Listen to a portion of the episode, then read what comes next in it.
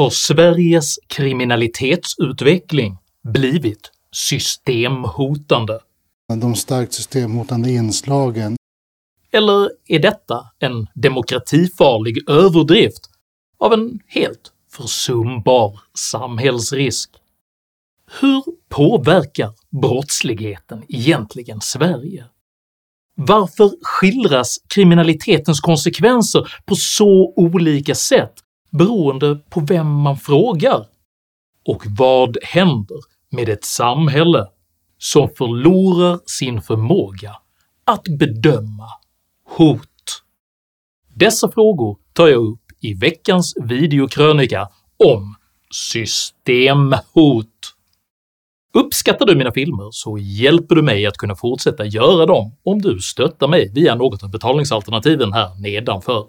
Det är endast ert generösa och frivilliga stöd som gör min videoproduktion fortsatt möjlig, så ett stort, stort tack till alla de av er som bidrar.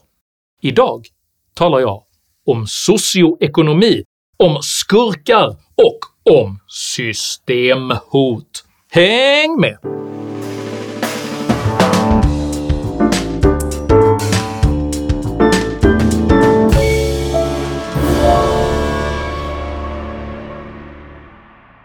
I en av världens äldsta sedelärande sagor möter en grupp blinda män en elefant. Var och en av männen får tag i olika delar av elefanten och beskriver den därefter på helt olika sätt. Alla männen har på sätt och vis rätt, men ur ett helhetsperspektiv har de även alla fel. Berättelsen är en insiktsfull kritik av det mänskliga tillståndet, där vi alla tenderar att förväxla den del av tillvaron som vi själva känner till med helheten. När rikspolischef Anders Thornberg säger att kriminaliteten försatt Sverige i ett synnerligen allvarligt läge, då har han delvis rätt, precis som en av männen i berättelsen om elefanten. När kriminologer påpekar att brottsligheten faktiskt minskar i Sverige har även de delvis rätt, precis som i berättelsen, och när Sveriges justitieminister Gunnar Strömmer beskriver den organiserade brottsligheten som systemhotande. De starkt systemhotande inslagen i den grova organiserade brottsligheten. Då har även han delvis rätt. Att expertis med olika utgångspunkter på detta sätt bidrar med olika problembeskrivningar är både legitimt och nödvändigt för att man tillsammans bättre ska kunna förstå helheten. Vad man däremot gör klokt i att inte göra är att avfärda människor med andra perspektiv än en själv som idioter. Detta stoppade dock inte juristen och författaren Joakim Sander från att i förra veckan insinuera att Sveriges justitieminister är just en idiot, eftersom han betraktar Sveriges kriminalitet som systemhotande. Efter att ha lagt tre dagar på en internationell rikskonferens vill jag bara säga att kriminaliteten i Sverige varken är systemhotande eller mer än en helt försumbar samhällsrisk. Ni ser ut som idioter när ni behandlar den som en stor risk. Jag är ledsen. Sanders burdusa generalisering kompletterade den ledartext som hans partner Moa Berglöf dagen innan hade publicerat under rubriken “Skjutvapenvåldet sätter skygglappar för annat”. Självklart vill oppositionsledaren Magdalena Andersson, liksom regeringen, helst prata om den avart som är skjutvapenvåldet, men om de verkligen vill göra medborgarna trygga i vardagen finns det också skäl att lyfta fram annat, och där syns de socioekonomiska skillnader som ingen som vill bekämpa gängkriminaliteten kan bortse från. Motsvarande fokus på prevention och utjämningspolitik uttrycktes nyligen av Advokatsamfundets generalsekreterare Mia Edvall Insulander när hon i Sveriges Television beskrev regeringens föreslagna kriminalpolitik som repressiv och i avsaknad av socialt arbete. Den är repressiv, det vill säga man vill gå väldigt hårt fram. Men framför allt så måste man ju jobba verkligen förebyggande och socialt också. Vi kan inte bara jobba med straffrättslagstiftning och repressiv lagstiftning så att säga. I nästa andetag underkände även Insulander begreppet systemhotande genom krav på individuell identifikation av eventuellt systemhotande individer något som kan vara ett hot mot rikets säkerhet, någonting systemhotande. Mm. Och så argumenterar man ju nu också från regeringen när det gäller den här gängkriminaliteten. Då måste vi definiera på vilket sätt är just den här personen då systemhotande. Detta följdes av det anmärkningsvärda påståendet att Sveriges nya regering skulle innebära en långsam glidning mot ett totalitärt samhälle. När vi pratade häromdagen, då sa du så här att vi glider långsamt mot ett mer totalitärt samhälle. Alltså, långsamt och på ett lite sluttande plan. Eftersom regeringens föreslagna lagändringar huvudsakligen innebär en harmonisering med våra nordiska grannländer är det dock befogat att fråga om Sveriges advokatsamfund även betraktar Danmark och Norge som totalitära stater. På liknande sätt uttrycker även den huvudsakligen skattefinansierade människorättsorganisationen Civil Rights Defenders socioekonomisk kritik mot den nya regeringens kriminalpolitik. Tidöavtalets kriminalpolitik har som mål att förebygga och bekämpa brott samt öka tryggheten. Trots detta saknar avtalet i princip helt förebyggande samt rehabiliterande åtgärder. Joakim Sander sammanfattar i en uppföljande tweet alla dessa åsikters gemensamma nämnare när han preciserar de risker han ser som allvarligare hot mot Sverige än den eskalerande organiserade brottsligheten.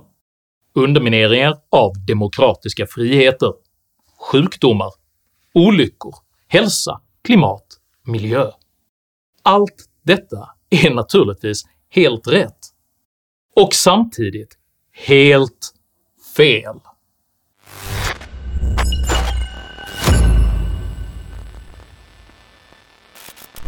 Få motsätter sig att både underminering av demokratiska friheter, sjukdomar och olyckor bör bekämpas, och om man avgränsar Sveriges kriminalitetsproblem till att gälla risken att bli skjuten på öppen gata är naturligtvis risken att bli påkörd eller sjuk avsevärt högre. Detta resonemang tar dock ingen hänsyn till den organiserade brottslighetens psykologiska och demokratiska samhällskonsekvenser, för våldsbrottsligheten utgör bara det kriminella isbergets absolut yttersta topp. Det är naturligtvis lätt att rent demagogiskt argumentera för att våldet minskar och att Sverige som helhet därför har blivit tryggare, Socialstyrelsens skadestatistik från juni i år visar till exempel den lägsta sammantagna siffran för vårdbehövande till följd av våld på 20 års tid. Man fortsätter dock i nästa stycke med att konstatera Även om det sedan början av 2000-talet skett en markant minskning i antalet vårdade till följd av våld har vårdade till följd av övergrepp med skjutvapen ökat. Denna utveckling benämns i den nyutkomna kriminalforskningsantologin “Det svenska tillståndet” som “den svenska paradoxen”.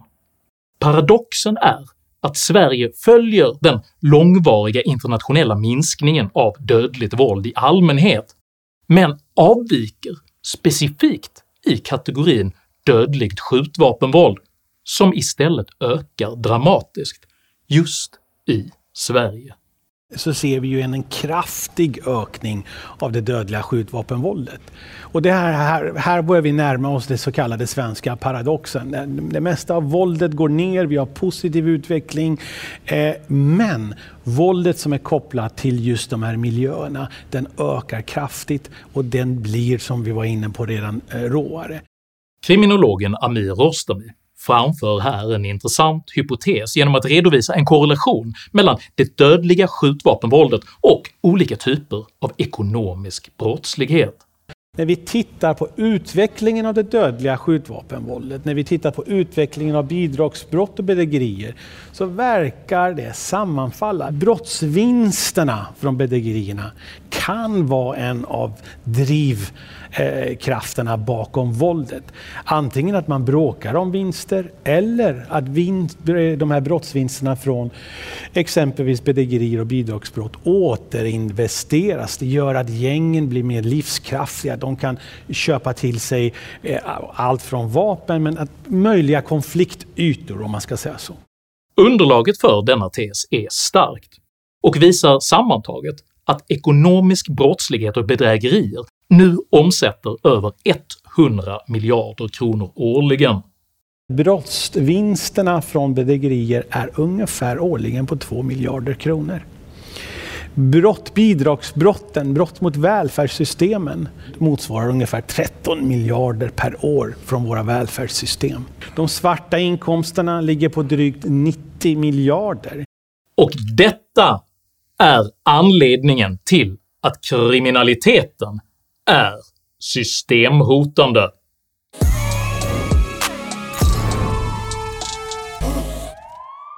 Den organiserade kriminalitetens storskaliga ekonomiska brottslighet och bedrägeriverksamhet skapar starka drivkrafter för kriminella element att arbeta sig in i det svenska förvaltningsväsendet.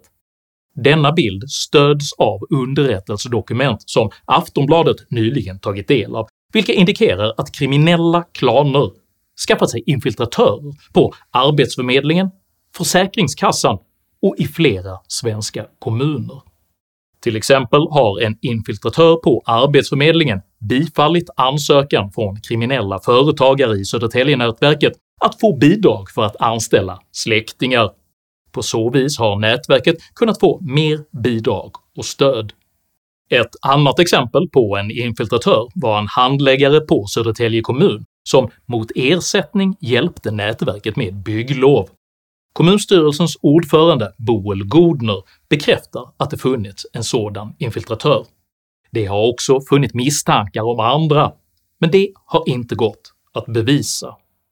Detta är anledningen till att kriminaliteten är systemhotande.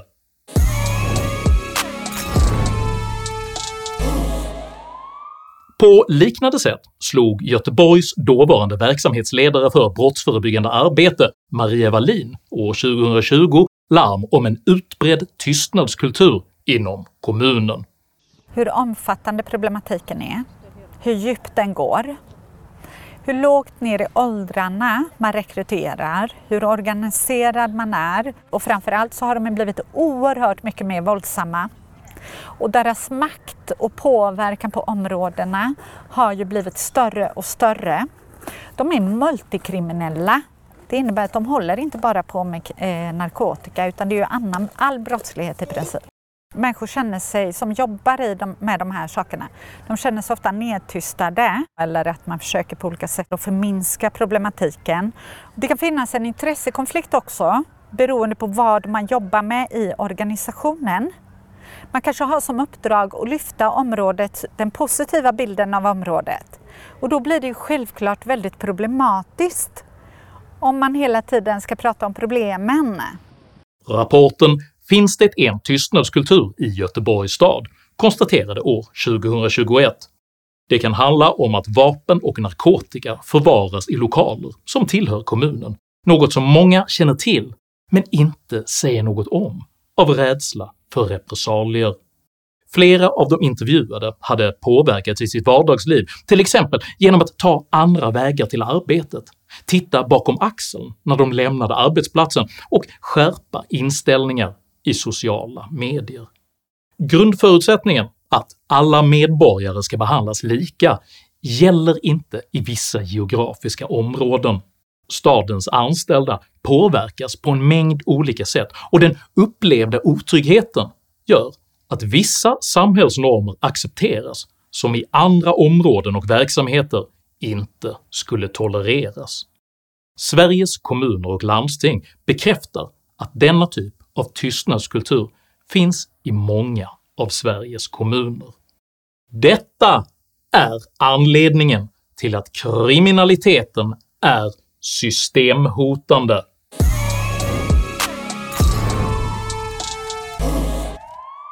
På motsvarande sätt tyder mycket på att den organiserade brottsligheten även utövar politiska påtryckningar.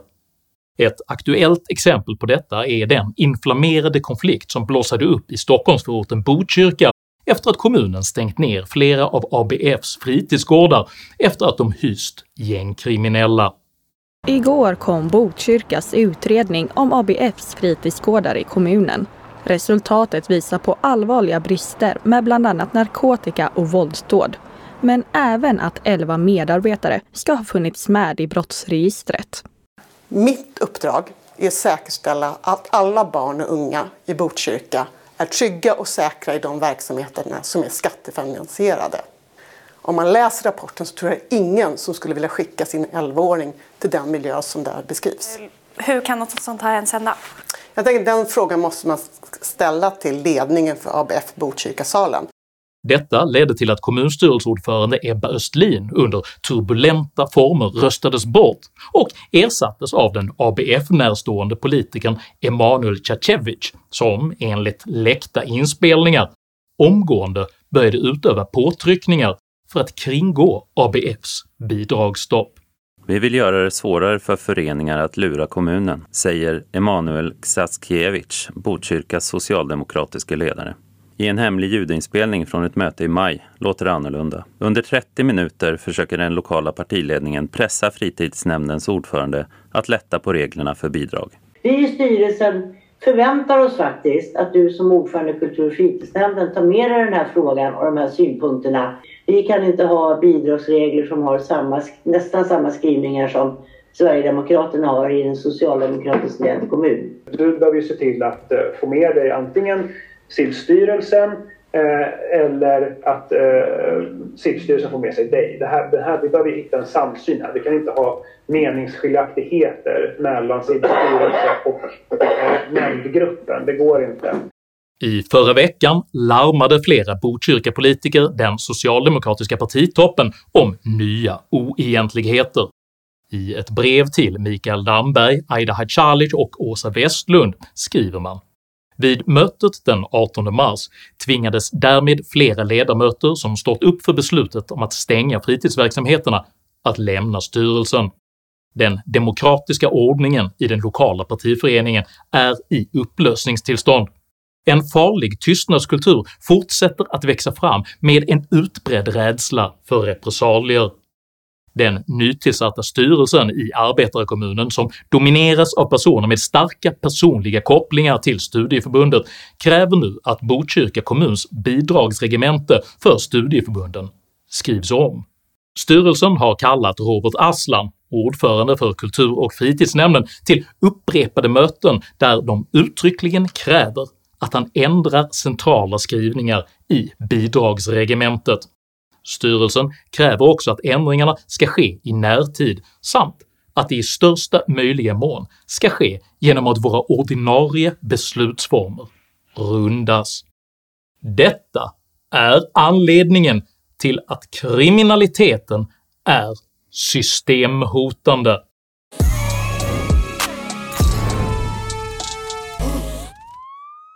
Angreppen på Sveriges maktinstitutioner är dock bara den ena sidan av den organiserade brottslighetens systemhotande konsekvenser.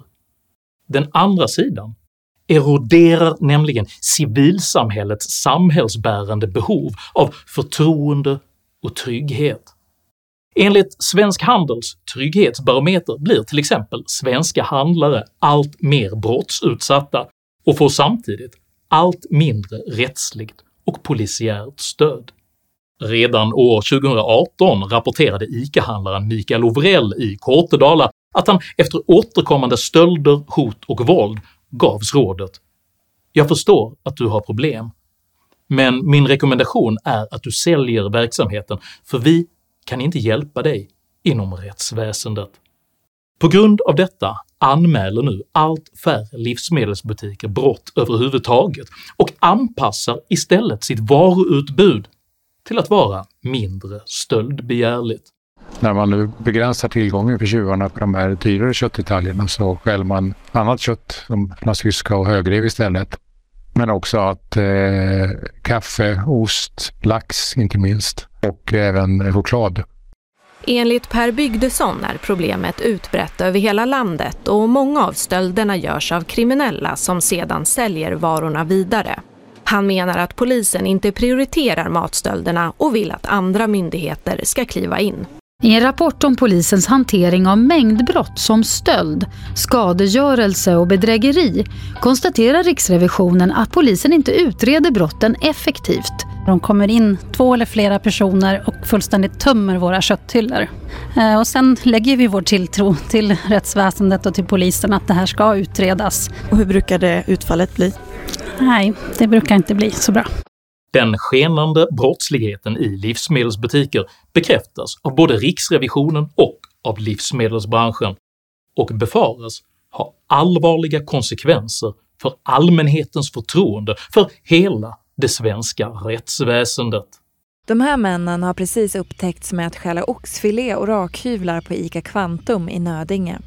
Här konfronteras de av butikskontrollanter, men snart uppstår bråk. Männen misstänks ha stulit varor för tusentals kronor, bland annat elektriska rakhyvlar, toalettartiklar, Red Bull och oxfilé. Idag står mängdbrotten för mer än 80 procent av alla anmälda brott. Och Riksrevisionen menar att om polisen inte blir effektivare så riskerar människor att förlora både sin säkerhet och sitt förtroende för rättsväsendet. Detta är anledningen till att kriminaliteten är systemhotande.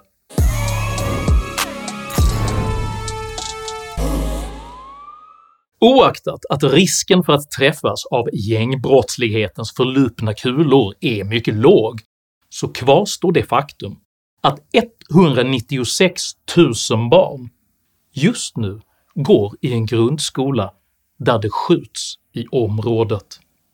196 000 barn i Sverige, eller nästan vart femte barn, går i en grundskola där det skjuts i området. Denna situation tvingar nu barn på många skolor att tränas i så kallad inrymning, vilket med Skolverkets ord beskrivs så här. Inrymning innebär att barn, elever och personal stänger in sig i rum eller salar. Genom att låsa dörren och eller barrikadera den blir det svårare för en gärningsperson att komma in. Det är också en fördel om det går att gömma sig, att vara tyst och om möjligt täcka för eventuella fönster. Vi, vi blir ganska rädda men vi vet att vi säkra inne i matsalen eftersom det, det är stora väggar och de kan inte skjuta in. Och vi, och vi brukar låsa dörrarna. Det är inte svårt att förstå de psykologiska konsekvenserna av denna situation för alla med barn i skolåldern. För ingen integrationspolitik i världen kan förmå en förälder att skicka sitt barn till en skola där det integrerade elementet kan råka vara en pistolkula. Polismästare Karin Götblad kommenterade just denna situation med de anmärkningsvärda orden “Det Sverige vi hade, det finns inte längre”. Vi behöver alla bli mer medvetna om att vi har en situation som vi inte är så att säga byggda för i samhället och inte lagstiftningsmässigt. Det samhälle vi hade och som vi har lagar för och arbetsmetoder kan man säga myndigheterna, det finns inte längre. Allt detta är sammantaget anledningen till att kriminaliteten är systemhotande.